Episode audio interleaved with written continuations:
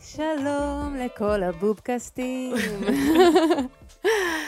אנחנו כאן בבובקאסט שלנו, זה הפודקאסט שלי, אביגיל קוברי, ו... תמר גורן. אמ, וזה הפודקאסט בו אנחנו נפגשות עם נשים מעוררות השראה מכמה שיותר תחומים שבא לנו ללמוד מהם ולספר לכם למה הן עושות לנו את זה והעיסוקים המעניינים שלהם.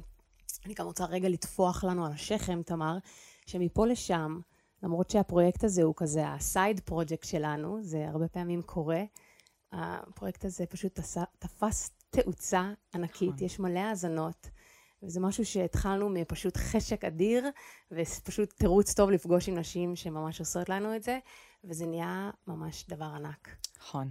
אז גם uh, אנחנו מאוד מאוד, כיף לנו התגובות שלכם, ותמשיכו להמליץ לנו על אורחות ולספר לנו על כל מיני נשים מגניבות ועל מה חשבתם על הפרקים.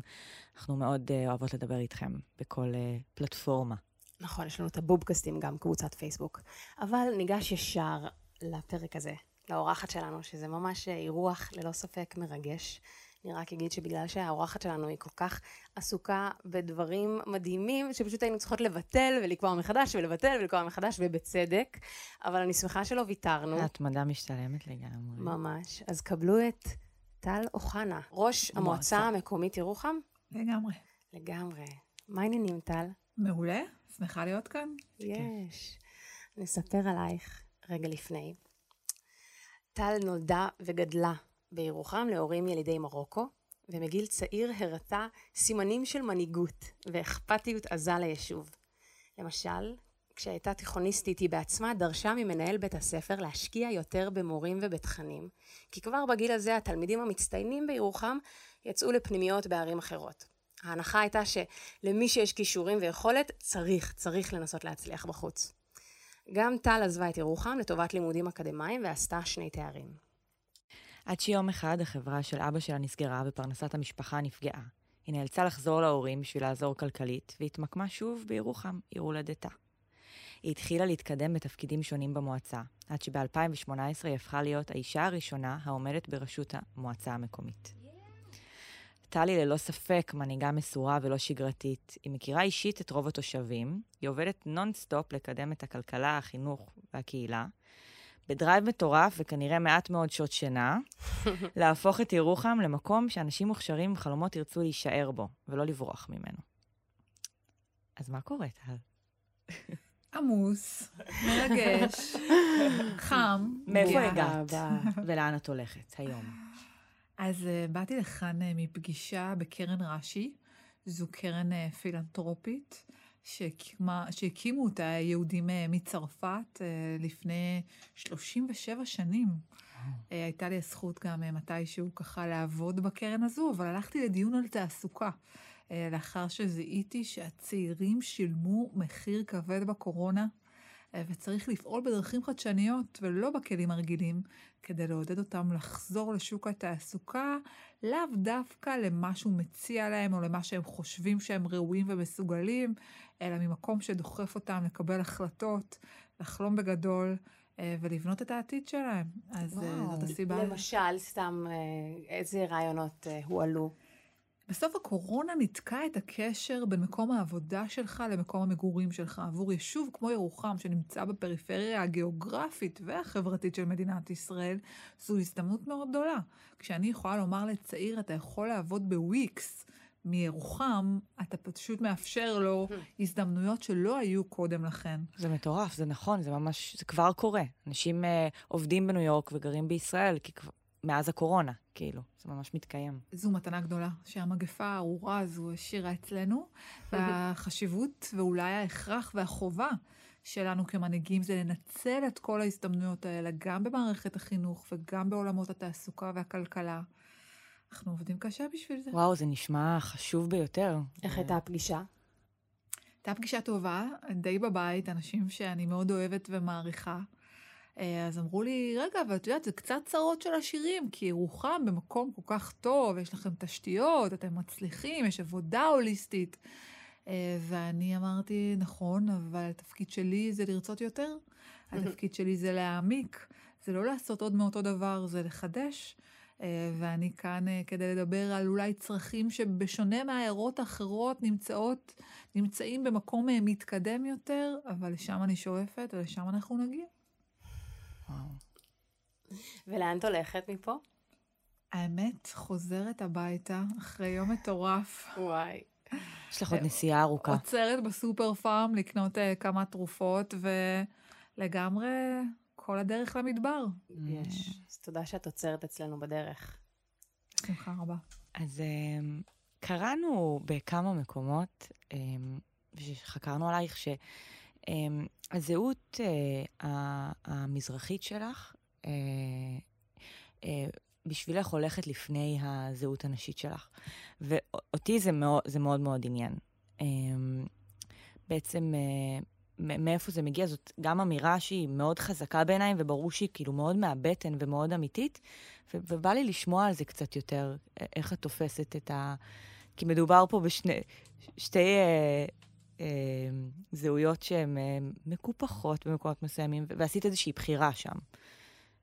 לגמרי, אה, למרות שמעת לעת אני מתחברת גם אה, לדגל הנשי. תמר, התחלת בעובי הקורה. הזהות המזרחית זה משהו שלא גדלתי איתו. הבית שלי לא היה בו בכלל סממנים של הדבר הזה. אני פיתחתי את הזהות הזו במפגש יוצא דופן אחרי השחרור שלי מהצבא עם אדם מדהים שנקרא דוקטור דוד ביטון, אה, תושב ירוחם. אה, היינו אה, בדרך להקים תוכנית סטודנטים, ואני החלטתי שמי שייקח חלק בתוכנית הסטודנטים הזו, שקרתה בירוחם, זה רק בני הדור השלישי והרביעי לעולים שהגיעו בראשית שנותיה של העיירה. וככה ספגנו כל מיני אמירות, למה... למה החלטת באמת? כי היה לי איזשהו סנס שאנחנו צריכים לגבש סוגיות זהותיות בעצמנו לפני יציאה למפגש עם האחר. מה שמתרחש בירוחם באותן שנים זה הגירה של צעירים, מעמד ביניים מדהימים, שבאים להתיישב בעיירה. והסיפור הזה של כן להישאר בירוחם, לא להישאר בירוחם, לא היה עדיין כל כך מובן מאליו כמו שזה קורה היום. היינו הראשונים שעשו את המהפכה הזו לכאורה. אה, ו- ואל מול השינוי הדמוגרפי, אני אמרתי, רגע, תנו לנו זמן להתכנס בתוך עצמנו, להבין מי אנחנו ולמה אנחנו כאן, אה, ואחר כך נייצר את אותם אה, מפגשים קצת יותר רחבים. ושם, בתוך תוכנית הסטודנטית הזו, הסטודנטים הזו, שגם נסעה למרוקו וביקרה שם למספר שבועות, הבנתי שיש משהו מן העבר שלי, ש... נוגע לי בלב במימים הכי עמוקים שלו. כשאני שומעת על ההגות של יהודי ספרד, יהודי המזרח, הרבנים של מרוקו שאומרים, נכון, אפשר לקיים הלכה על פי הזמן, ולא רק על פי מה שנכתב. יש לזמן ולמקום ערך בהלכה. וכשאתה שומע את הסיפור על הרב משאש שמגיע ורואה את אותו בעל אטליז מוכר בשבת, והקהל אומר לו, אתה צריך להחרים אותו, כבוד הרב. והוא אומר, ממש לא, התפקיד שלי כמנהיג רוחני זה לקרב ולא להדיר. ואתה מבין שבסוף המתנה הגדולה ביותר שקיבלנו מעצם היותנו יהודים שמוצאם בארצות האסלאם, זה לא רק את ההבנה שאפשר לגור ביחד, אלא את המתינות והממלכתיות והמסורת שיש בה ערך מאוד מאוד גדול. דווקא היום אנחנו רואים את הקושי הגדול בהרכיב ממשלה. אנחנו רואים את הקצוות שמנסות ללכת הכי רחוק שאפשר. הטוב המשותף הוא ערך, הוא לא פשרה, הוא לא כורח הנסיבות. הוא ערך יהודי גדול, שאני מאמינה שאנחנו קיבלנו כמתנה מעצם היותנו יהודים, יהודים מסורתיים. אה, ואני אה, לגמרי מרגישה שאני מרימה את הדגל הזה בגאון, עומדת על קדמת הבמה ואומרת, אני יהודייה ערבייה. משום שהמסורת שלי והמנהגים שלי והמוזיקה שאני אוהבת, אה, אבל גם האידיאלים הערכיים ממש מוצאם שם. וההורים שלי לא הייתה להם הפריבילגיה הזו, אני מספיק חזקה כדי לעשות את זה. זהו, אז, אז מה לי... זה אומר באמת ש...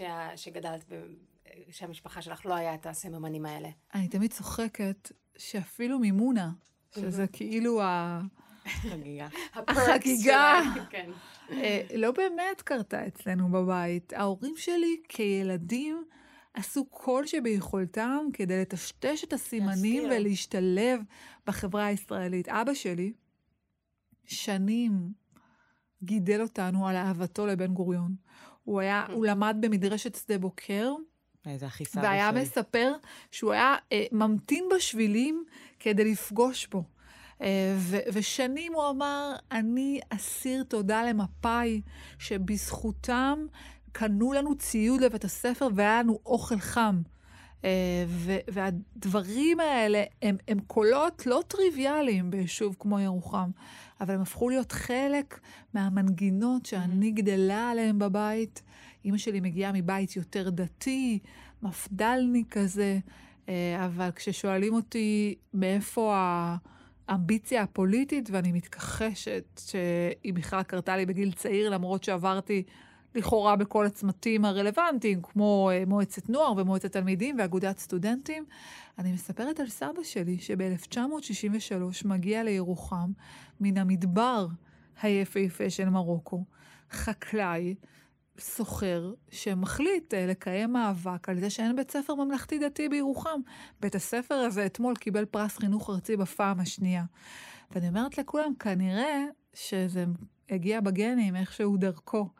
אה, אבל אה, אני נצר גאה לאנשים פשוטים, שהגם שחיו בעוני מוחלט, הייתה להם תודעה של עושר.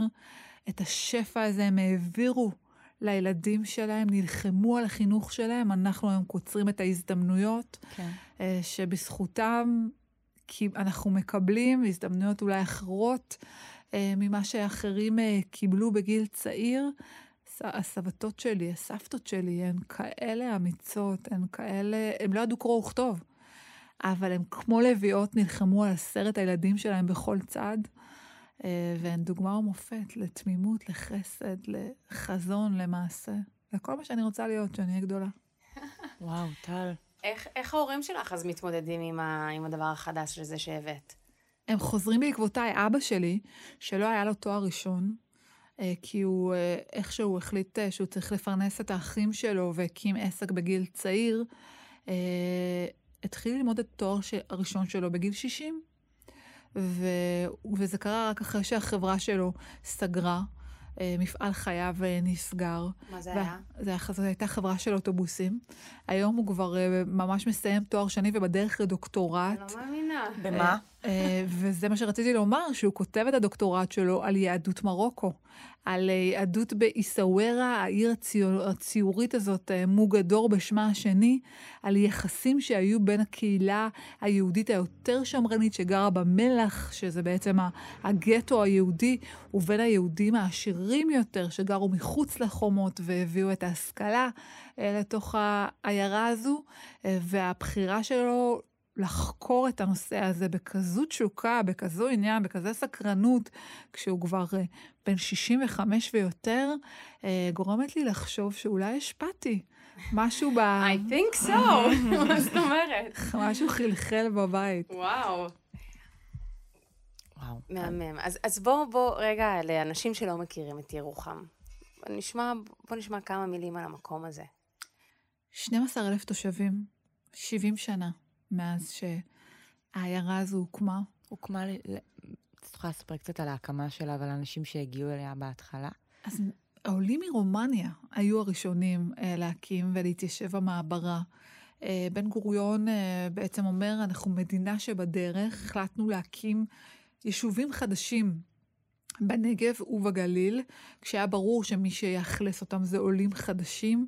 אה, היה תחקיר לא מזמן במסגרת סרט שנקרא סאלח פה זה ארץ ישראל, שחשף את או. הפרוטוקולים של אנשי הסוכנות. סרט מטלטל. שאנחנו ראינו אותו גם לקראת המפגש, ויש לנו הרבה מחשבות בהקשר שלו. אבל תראי איזה יופי. למרות כל תנאי הפתיחה הללו, ואני יכולה להסכים על העובדות לאשורן, כפי שהובאו במסמך הארכיוני-היסטוריוני המדהים הזה. אבל תראי לאן הגענו. ירוחם היום היא באמת דוגמה ומופת אה, לעיירה פורצת דרך, בחינוך, בכלכלה, בטכנולוגיה, בדמוגרפיה. אנחנו מכפילים את עצמנו, אנחנו תוך עשור נהפוך להיות 20 אלף.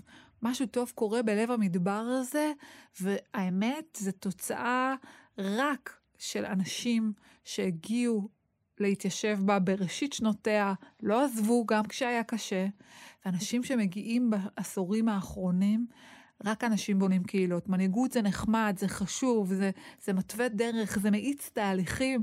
בסופו של דבר, יש שם אוסף של אנשים עם נשמה גדולה, עם יזמות, עם חדשנות, ואת הפער העצום בין מיעוט המשאבים לאתגר החברתי-הכלכלי הגדול הזה, רק אנשים עם נשמה יכולים uh, לצמצם.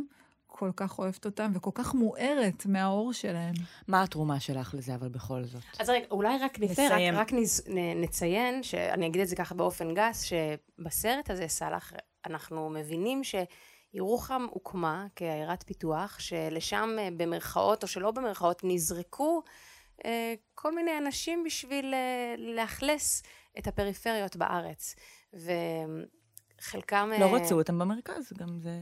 זה... עבדו עליהם, אמרו להם שהם הגיעו למקום יותר מרכזי, והם בכלל הגיעו אה, למקום מאוד קשה, הם היו כן. בתנאים קשים, במדבר. הם נאלצו כבר מגיל צעיר לעבוד, ב... ללמוד בבתי ספר מקצועיים, והוסללו ממש אה, כמעט בלית ברירה לעתיד מאוד מוגבל. אז כל הדבר הזה שאת אומרת, זה, זה, זה, זה, זה נובע מההלם של לצמוח מתנאי פתיחה כאלה, למה שאת עכשיו מתארת. ולכן אה, אמרתי לידידי דוד ארי, שהוא היוצר של הסדרה כן. החשובה הזו, בן ירוחם, מוכשר. ברמות. זה, זה גם אני אומרת לכל המאזינים, מי שלא ראה את הדבר הזה, יש לך שורשים, אין שורשים, זה, זה פשוט אה, מסמך מדהים על ההיסטוריה שלה, של המדינה שלנו. אני ראיתי את זה כבר כסדרה של ארבעה פרקים. כן, כסדרה. סלח פה זה ארץ ישראל. ואני אמרתי לדוד בהקרנת הבכורה במסגרת פסטיבל דוק אביב, אה, שקורה אצלנו כבר אה, כמה שנים אה, בחנוכה, אמרתי לו שהביקורת היחידה שיש לי לומר, וכתבתי פוסט מאוד ארוך על זה, שהוא לקח מהסבים והסבתות של שנינו את גבורת הרוח שלהם. כי בסופו של דבר, למרות תנאי הפתיחה הכל כך מאתגרים האלו, למרות שהמדינה הבטיחה לתקן ולא עשתה את זה לא בזמן ולא בעצימות הראויה. הם גידלו דורות של ילדים עם אהבת הארץ, עם אהבת המקום. אם תהלכי ברחוב הראשי של ירוחם ותפגשי אותם על הספסלים ותשאלי אותם אם הם היו מחליפים את ירוחם בכל מקום אחר, התשובה שתקבלי, אני בטוחה, את מוזמנת לעשות את הניסוי ולחזור אליי, היא שהם לא מחליפים אותה בשום מקום שבעולם. והיכולת המופלאה הזאת של הדור האצילי הזה, לגדל דור עם הזדמנויות חינוכיות אחרות לגמרי ממה שהיו להם, דור שנשאר ומוביל את העיירה, זה הסיפור של ירוחם. תנאי הפתיחה, נכון, אובייקטיביות, היו לא טובים. והמדינה, יש לי ביקורת עליה מאוד גדולה על מה שהיא הבטיחה לעשות ולא עשתה. אבל בסופו של דבר, אנחנו דור ששירת בצבא, שאוהב את המדינה הזאת, שאוהב את העיירה שלו, שעובד מבוקר ועד ליל בשבילה, ואני רק סיפור אחד מכל כך הרבה שעושים את זה בתעשייה ובמסחר ובטכנולוגיה, וכמובן במערכות החינוך והרווחה. אה, וה, והדבר הזה לא בא לידי ביטוי בסדרה. הוא לא שם את, mm-hmm. את הפרק של להגיד, אף על פי כן... ניצחנו. ניצחנו. וניצחנו באהבה. Mm-hmm. כן. ואנחנו עדיין מצמצמים כל יום פערים שלפני שבעה עשורים, ואנחנו לא ננוח עד שנשלים את המשימה, הלוואי ונצליח. אבל בסופו של דבר הרוח היא אחרת, ואת רוח הגבורה הזו כן. הוא לא השמיע. ואוקיי, ועדיין, בתוך הדבר הזה, מה התרומה שלך ל... ל... אני ממש מבינה מה שאת אומרת, שזה, שיש איזושהי תחושה של קהילתיות, וכולם, ואנשים טובים, ו, ואנשים עושים את המקום, ו, ועדיין, מה, מאז שהתחלת עד היום, מה המדליות הקטנות שלך? קראתי לפני כמה ימים משפט של גולדה מאיר, שאמרה שהתפקיד של מנהיג זה לקחת ניצוצות של הזדמנויות ולהפוך אותן לשלהבות בוערות. אני מרגישה שזאת, שזה התפקיד שלי. היכולת שלי לזהות הזדמנויות כלכליות שהן כותרת עלומה בעיתון כלכלי, ולהחליט שבירוחם יקום מפעל החיסונים הראשון של מדינת ישראל, וירוחם תהיה ecosystem בקנאביס רפואי וברחפנים וב new space. ואנשים מסתכלים עליי פעורי פה ומרימי גבה, ואומרים לי, איזה נכסים יש לך בבואך לקדם את החזון הזה? ואני אומרת, יש לי את ההון האנושי הכי טוב במדינה, ואני בטוחה בזה, זו לא קלישאה. כשמגיע אליי יזם מתחום הפינטק ומעסיק 30 נשים שלא היה להם שום רקע טכנולוגי, והוא בא אליי ביום שישי ואומר לי, אחרי שהוא סיים את הראיונות שלו, אין כוח אדם כזה במרכז. היכולת שלהם ללמוד, להיות מחויבות, לתת את ה-200 אחוז, להסתכל על זה במבט ארוך טווח, זה משהו שקורה כאן ולא פגשתי עדיין. ואני באמת יודעת שהתפקיד שלי זה לסחור בנכס האנושי הזה ולהביא אותו אל קדמת הבמה במובן הזה שתהיה פה תעסוקה איכותית, שהם יוכלו לבחור באיזה מקום ללכת לעבוד, שאנשים מהמרכז ידעו שאם נמאס להם מהפקקים והחניות, יש עיירה קסומה בלב מדבר, ממש בתוך הערים, בין מכתש לבין אגם, שיכולה להציע להם איכות חיים הרבה יותר גבוהה מתל אביב בכל הממדים, ואני חותמת על זה, והם יכולים להמשיך להתפרנס באותה חברה שהם עבדו בה עד היום. חבר'ה, המשוואה משתנה. מעניין, תקני אותי אם אני טועה, אבל בעצם את... אה, את יצאת מירוחם, נכון? כאילו הייתה לך שאיפה להיות במקום אחר, ובגלל אה, נסיבות מצערות, את חזרת. ספרי לנו על זה קצת, כן. לאן יצאת לבאר שבע? יש פה פלטה, כאילו, זה, זה יצא מתוך איזה...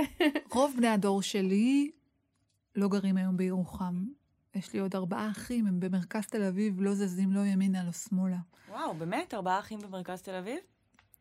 שמעתי את uh, מרים פרץ, שאני מאוד אוהבת. וואו, גם אנחנו. מנסה לנחם משפחה שהילד שלה נהרג במירון. וואו.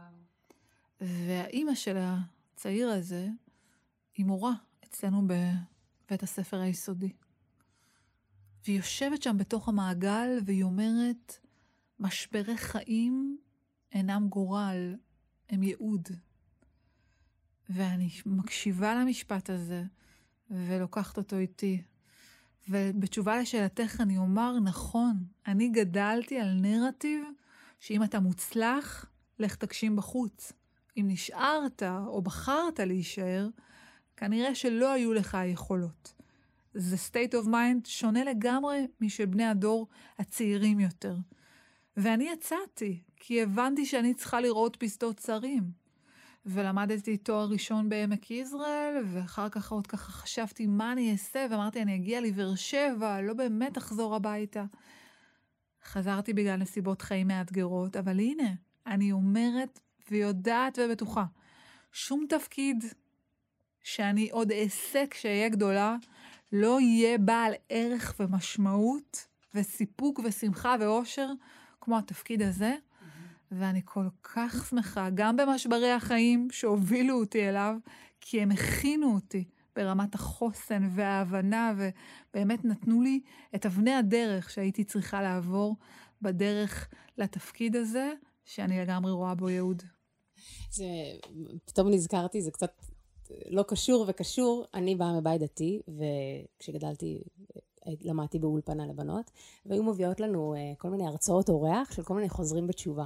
בדרך כלל כזה סלבים שהיו שחקנים או מוזיקאים או זה, היו בתל אביב, ראו, את, ראו הכל, ראו את האור, חזרו בתשובה, ובאו כזה בשביל לפמפם לנו, בשביל שלעולם לא נסטה מהדרך. ואנחנו כתלמידות היינו כזה, נו, ברור, קל לכם, אתם, אתם יצאתם החוצה, ראיתם, התנסיתם, מיציתם וחזרתם. וזה עכשיו איך שדיברת, כאילו, אני תוהה אם יש אנשים שנולדו וגדלו בירוחם, אבל שנייה, הם רוצים שנייה לצאת החוצה, סבבה, את ראית, את ראית מה יש שם, והבנת שזה לא טוב לך, והבנת שאולי גם, בדיע, גם אם זה בדיעבד ובגלל נסיבות מסוימות, הפקקים, האיכות חיים, הזה, את מבינה היום שירוחם זה כאילו, מואה. אבל, אבל הם עוד לא ראו את זה. אגב, אני מעודדת אותם לצאת. אני חושבת שיש משהו ביציאה שבונה בך קומה. נכון. וכישורים ויכולות, והבחירה המחודשת, יש בה עומק הרבה יותר גדול. אגב, לא סבלתי. גרתי בעמק יזרעאל היפהפה, הירוק עשה לי ממש טוב ללב, נהניתי מתל עדשים ומיתר יישובי העמק. ממש לא סבלתי, אה, אבל לא יכולתי לקבל עמדת השפעה וחיים של משמעות, כמו שאני זוכה להם בירוחם, כאדם פשוט צעיר שרצה להשפיע על המציאות, אה, ואני אסירת תודה על זה. וואו.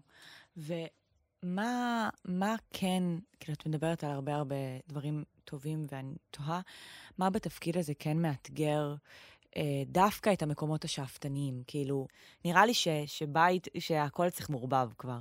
נכון? עבודה ובית והכל כאילו... אז איך את, אה, איך את חיה עם, אה, עם סירובים ועם אה, כישלונות? זה מעניין. אמ, הפרדוקס שבין היכולת שלי לברוא עולמות ולהגשים כמעט כל חלום שיש לי בשליחות הציבורית שלי, ובין העובדה שעוד לא, הגז... לא הגשמתי במובנים הפרטיים, המשפחתיים, זה פרדוקס אה, שלא פשוט לחיות איתו. יש פה פער כמעט בלתי אפשרי להבנה בכלים הרציונליים אה, שזכינו להם. אה, ואני בן אדם מאמין, והאמונה עוזרת לי לפעמים, לא תמיד, לגשר על הפער הזה, של לדעת שלכל דבר יש עת וזמן, וזה יקרה. למה את מתכוונת? סתם... המשפחה? אז, אז באמת היכולת להקים משפחה ו- ולעשות את השליחות גם בתוך הבית שלך. אה, ולא רק אה, בחוץ. אה, ותמיד ירימו גבה ויגידו לי, טוב, תקשיבי, את עובדת 17-18 שעות ביום, זה כנראה לא משהו סביר, ואני תמיד אענה שאני מפנה את הזמן לכל דבר שחשוב לי. וזה לא העניין, אבל בסופו של דבר, לפעמים יש בי איזשהו באמת תסכול מהיכולת שלי באמת לשבור חומות ו, אה, ולהגשים בגדול ולחלום רחוק, לבין הכישלונות הקטנים שכולנו חווים אה, בדרך אה, לה, להגשמה הפרטית. אבל הרוח שלי מצליחה להחזיק אותי מעל פני המים. זאת אומרת, הכל, השמחה והתשוקה והבאמת בעירה הזאת שאני קמה איתה כל בוקר לעשייה שלי, נותנת לי הרבה מאוד כוח. אני יודעת שגם הדברים האחרים יגיעו, וכנראה לא סתם הם מתעכבים. אני יכולה להגיד שאין באמת איזה קו שמפריד בין החיים המקצועיים לחיים האישיים שלי. בסוף, uh, כשאני יוצאת uh, לדייט, אז רואים אותי במסעדה, וכשאני הולכת לקנות... אה, משהו אה, במרכז המסחרי, אז זאת הזדמנות טובה לדבר איתי על כל דבר אה, שמטריד את השטח וואי וואי, כמה שידוכים בטח את מקבלת הצעות. האמת, כל פעם שככה מתפרסמת את התוכנית, אז אני מקבלת, אבל... אבל יש משהו מאוד מיוחד שאני מחפשת, והלוואי ואני מדייקת בשאיפה הזו, כי איינשטיין נראה לי לימד אותנו שצריך אם אתה לא מצליח, אם אתה עושה עוד מאותו דבר אה, ולא מצליח, אז כנראה שמשהו צריך להשתנות. אז עוד לא הצלחתי, מקווה בהמשך. אני מניחה שהזהירו אותך מפני פוליטיקה. אני זוכרת שאימא שלי אמרה לי, למה את צריכה את זה? זה היה רק שנבחרתי להיות סגנית ראש מועצה בפעם הראשונה. ועדת קישוט בכיתה ג', היא כבר אמרה לי, סתם. זה היה בגיל 26, אה, וככל שעברו השנים, אז uh, היא הייתה ככה פוגשת כל מיני תושבים, וההורים שלי הם אנשים מאוד מאוד צנועים, שהם לא רוצים שום קשר לציבוריות, הם ממש אשרי יושבי ביתך בכל המובנים כולם. Uh, והיו מגיעים אליהם אנשים שמספרים להם כל מיני דברים שככה פעלתי למענם. הם הבינו, הם הבינו שזה חלק בלתי נפרד ממני. אה, כי, לא כי... קל להם, לא קל להם גם כי לפעמים הם על המוקד, פוליטיקה. אה, מישהו פעם אמר לי, לא ראיתי עוד שום הורים שהילד שלהם מתמודד להיות ראש המועצה והם לא מגיעים לשום כנס שלו. רק כדי להגיד עד כמה הם נכ... ככה באמת נכבאו מאחורי הכלים, אבל הם, הם הכוח שלי, הם כל מה שאני. הם בסוף אני יכולה ממש לפרוט לפרוטות את כל מה שהם הותירו בי ומותירים בי בתוך המסע הזה, שיש בו הרבה בדידות, כי אתה בראש הצמרת, אה, ויש בו באמת שיאים, פסגות ועמקים של תחושות ורגשות, ואתה תמיד חשוף. אה, ולרוב זה יהיה ברשתות החברתיות, אה, ולא תמיד לטובה. אבל אני מנסה להפגין אמיתי, חוסן אל מול זה. זה קצת קשור למה שאמרת על, על, על הדיון, שאמר, על מה שאמרנו על סאלח, ועל בעצם, אה, על האופציה ל, אה, להתקרבן ולהיות באכלו לי שתו לי, ועל האופציה השנייה שהיא פשוט אה, לנצח את זה ו, ולהמשיך, ולהמשיך משם. אבל, ועדיין אני, הקיפוח, זה משהו שאת מתמודדת גם, גם עם העבר שלו, או רק קדימה? זאת אומרת, אנשים, אה, עד כמה חשוב לך להוציא את הסיפורים האלה החוצה, עד כמה... אה, עד כמה הסיפורים האלה מנציחים את זה? כי תמיד יש את הקונפליקט, כמה, האם ההתעסקות עוזרת לפצע או מעמיקה אותו? 아, אני, אני כן אספר שאני, אחרי שראיתי את ה, אה, המשפחה שלי אה, מבית שאן, אה, משפחה פרסית, אה, שעלתה בשנות ה-30, אה, ואני ראיתי את זה, ופתאום אמרתי, רגע, מה זה המעברה הזאת שהם היו בה? כאילו, מה, פתאום, פתאום גם הכל, פתאום כזה גם, הצחוקים על זה שסבתא לא יודעת לכתוב ולקרוא, מה, למה, למה היא לא יודעת? כאילו, מה זה הדבר הזה? וישבתי איתה, והבנתי פעם ראשונה בחיים, שאף אחד לא, לא, לא הייתה לה שום הזדמנות אה, להיות יותר מהסבתא והאימא המהממת שהיא הייתה. וכאילו, וגם ממש התחברתי למה שאמרת, בצניעות, בשליחות, באהבה ענקית. וישבתי ודיברתי איתה על הדבר הזה, וזה כן מילא אותי כעס, זה כן הכעיס אותי והציב אותי, שלא הייתה לה שום הזדמנות להיות יותר מאימא ואישה. אמ, אז, אז כמה, עם, כמה שפנינו הם תמיד קדימה, תמיד יש כעס גם אחורה. זה מעסיק אותך, את, את, את עובדת בזה, את... אה, לא, אני לא בן אדם שמסתכל אל העבר. Mm-hmm. בן אדם מאוד שורשי. שנושא איתו כן, את, מאוד את המורשת ואת המסורת. אבל בעיניי לשאת כעס על העבר זה כל כך לא פונקציונלי, אני לא חלק מהדבר הזה. אני יכולה להגיד לך שכל יום מחדש, באין ספור הזדמנויות, אני עסוקה בלפתור, לנסות לפחות, לתת הזדמנות למי שלא קיבל אותה בעבר. ואני יכולה לספר לך שלפני שלושה ימים היה לי ביקור ממש ממש חשוב של אנשי האוצר ומשרד המדע. אה, ובתוך הביקור הייתה אישה צעירה אה, שאני ככה מכירה, והיא היום בתפקיד אה, בכיר באגף תקציבים. ואימא שלה גדלה בירוחם, והיא מספרת תוך שהיא יושבת במעגל ובו בני נוער שמתכנתים רחפנים, שמטיסים באמת ככה בקרוב אה, ננו לוויין, אה, משגרים אותו לחלל, חבר'ה שעסוקים ברובוטיקה. והיא אומרת, אני יושבת ביניכם ונזכרת בסיפור של אימא שלי, שאמרה שכשהיא גדלה בירוחם, החלום הכי גדול שניבאו לה סובביה, היו שהיא תהיה פועלת במפעל הקוסמטיקה. ו- ו- ובמשפט הזה שלה, העיניים שלי מתמלאות דמעות, כמו הרגע הזה. ואני אומרת לעצמי, תראו כמה אנשים פספסנו בדרך. כי בעצם זו הייתה ההזדמנות, אגב, עד לא מזמן. מפעל הקוסמטיקה הזה עדיין עובד עם פחות, הרבה פחות נשים.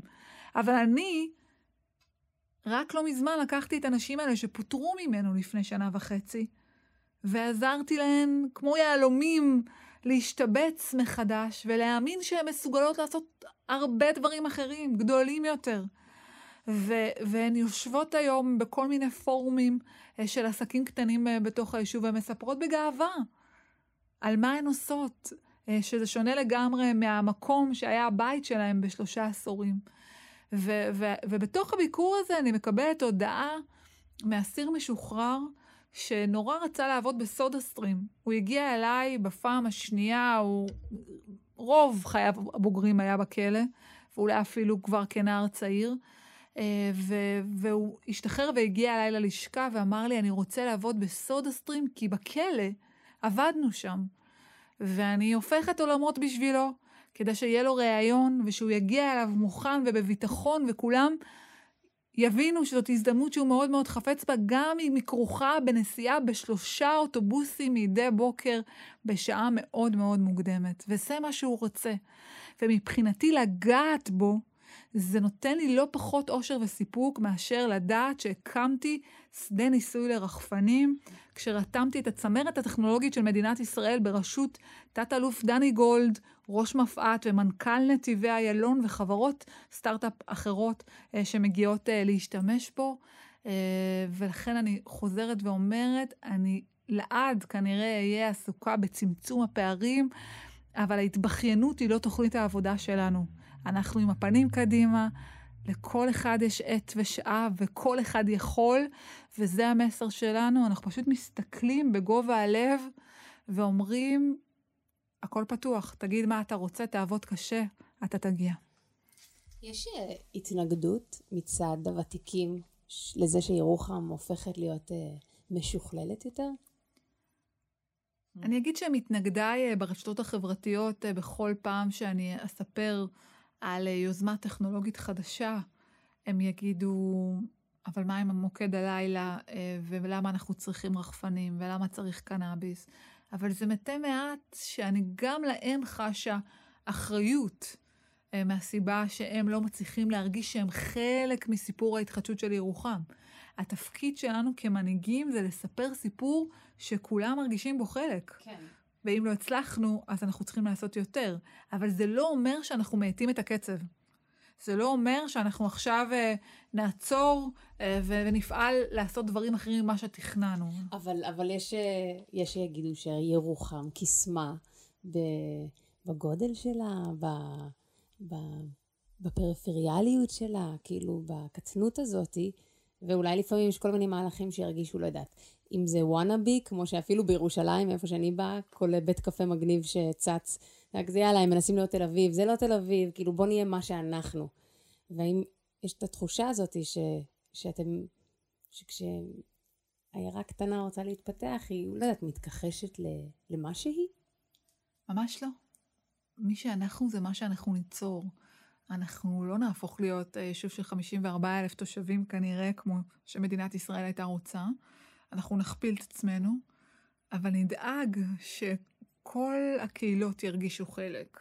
שבסוף היכולת שלנו אה, להיות איזה center של טוב משותף, על לשמור על ערכי הסביבה במדבר שבו אנחנו חיים, שום דבר מכל אלה לא נוגד את העובדה שאנחנו צריכים לברוא שדות כלכליים חדשים.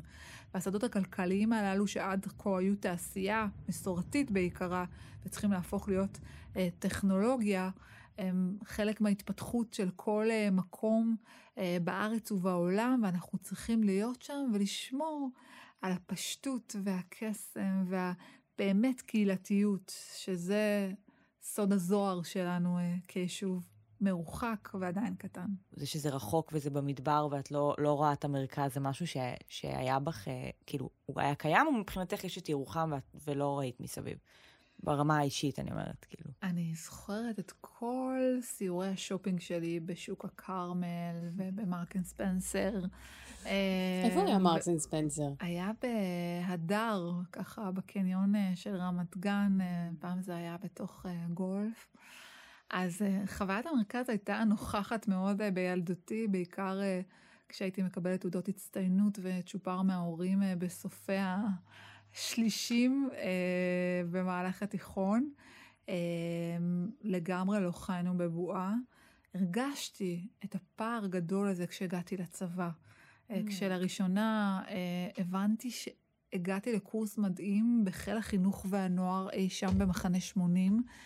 180 בנות, רק אני אולי היחידה שאין לה מושג מה זה מכינה קדם צבאית או שנת וואלה. שירות, היא ידעה רק מה זה שירות לאומי וצבא, והיא קולטת בחושיה המחודדים שהתחרותיות שלה לא בטוח תקבל ביטוי בקרב אליטה של ציונות דתית מדהימה, שמכירה את כל סגל הקורס, את התוכן בכל שלב ושלב, שכבר יש לה שנה מחוץ לבית, אה, והדבר הזה לראשונה גורם לי להבין שאני אחזור לירוחם, אני אעשה כל מה שאני יכולה כדי שבני המקום ילכו לשנת שירות ומכינה קדם צבאית. הבנתי איך הדבר הזה, איך כור ההיתוך הזה, הוא מקפצה מאוד מאוד גדולה ומשמעותית בדרך לשירות צבאי, וכמובן כל מה שהדבר הזה מביא איתו. אני מאמינה גדולה בבין תרבותיות, רב תרבותיות זה ייצוגי מבחינתי, באינטראקציות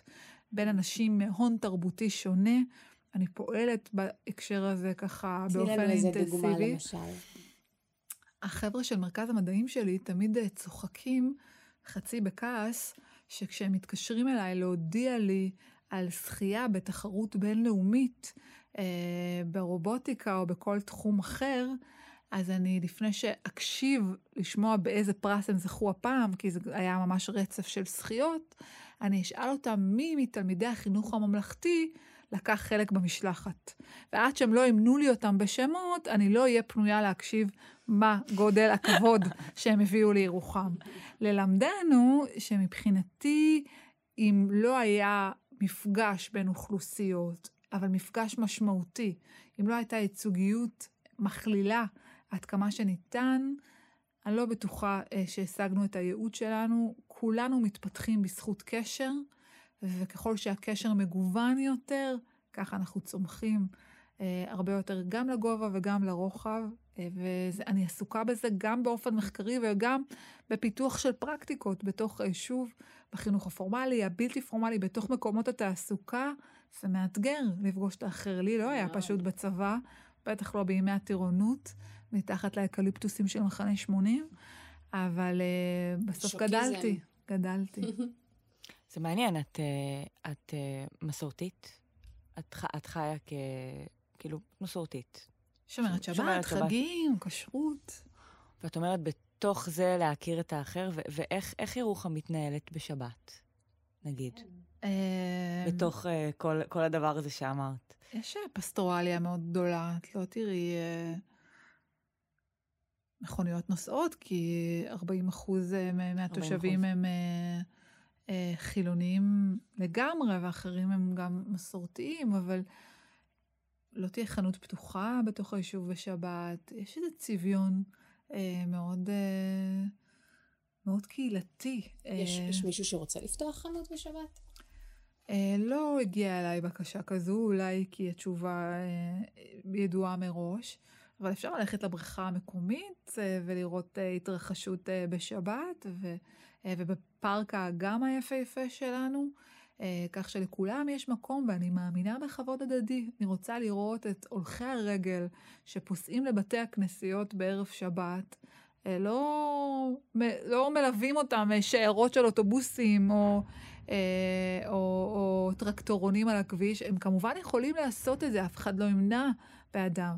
אבל יש פה משהו שהוא קצת אחר, ואני אהיה שמחה בזה. אבל את מרגישה שזה, שזה משהו שהוא, שהוא אצלך, נגיד, אם, אם הייתה מגיעה בקשה כזאת.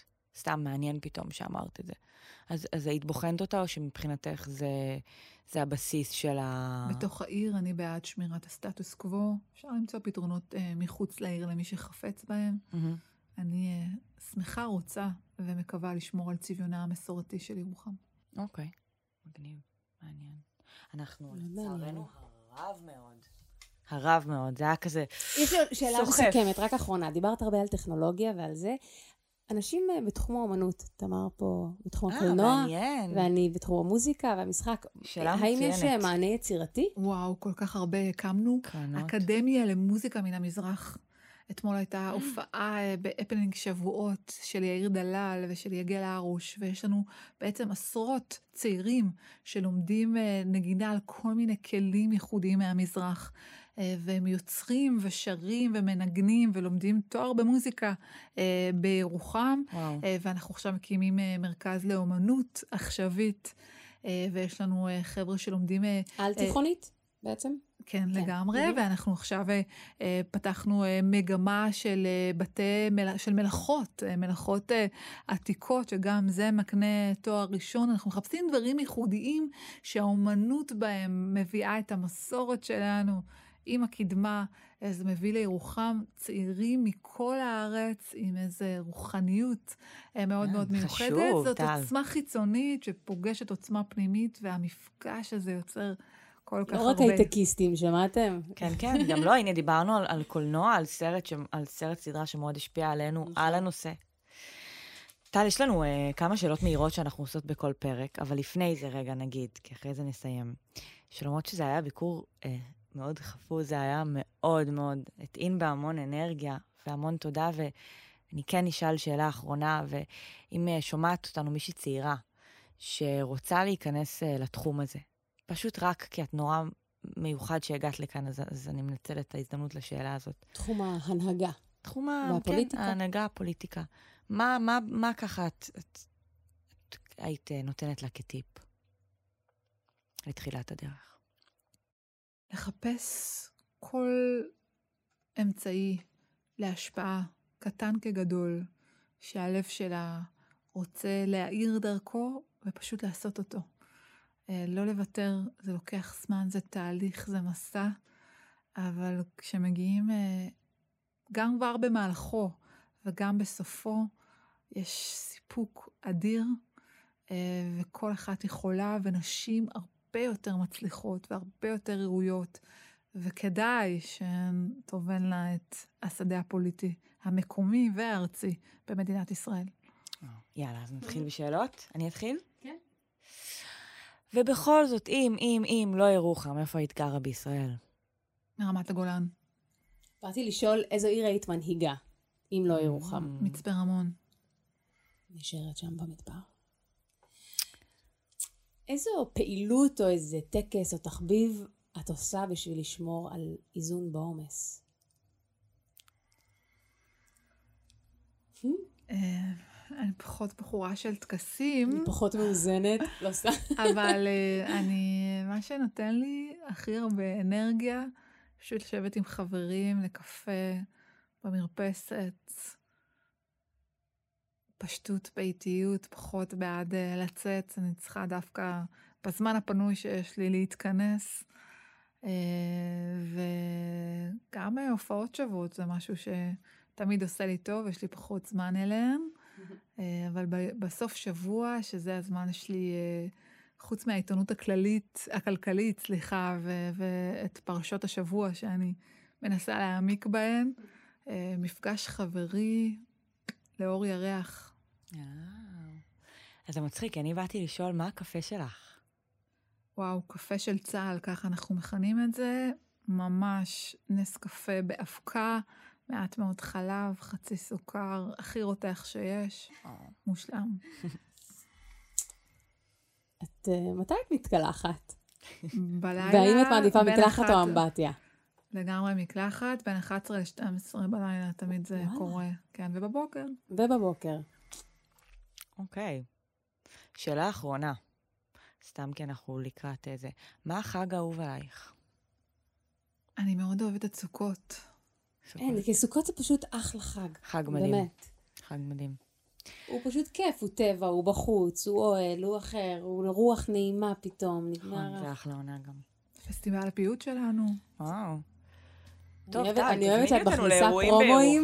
לירוחם בכל הזדמנות, זה מצוין. אנחנו רוצות אה, להגיע לאירועים בירוחם, לראות את. העיר. אנחנו נגיע, בוב. נגיע. עכשיו. אנחנו סקרניות. טל אוחנה, ממש תודה שבאת אלינו והקדשת מזמנך היקר, אנחנו היינו תמר גורן, ואביגיל קוברי. ויהיה כאן לינק גם לכתבות על טל ולאינסטגרם של טל ולפייסבוק ולעמודים שלנו, תכתבו לנו, תדרגו אותנו. כן, באפל זה עוזר לנו להגיע לכמה שיותר אוזניים. ותודה שהייתם איתנו, ניפגש בפרק הבא של הבובקאסט. תודה רבה, ביי.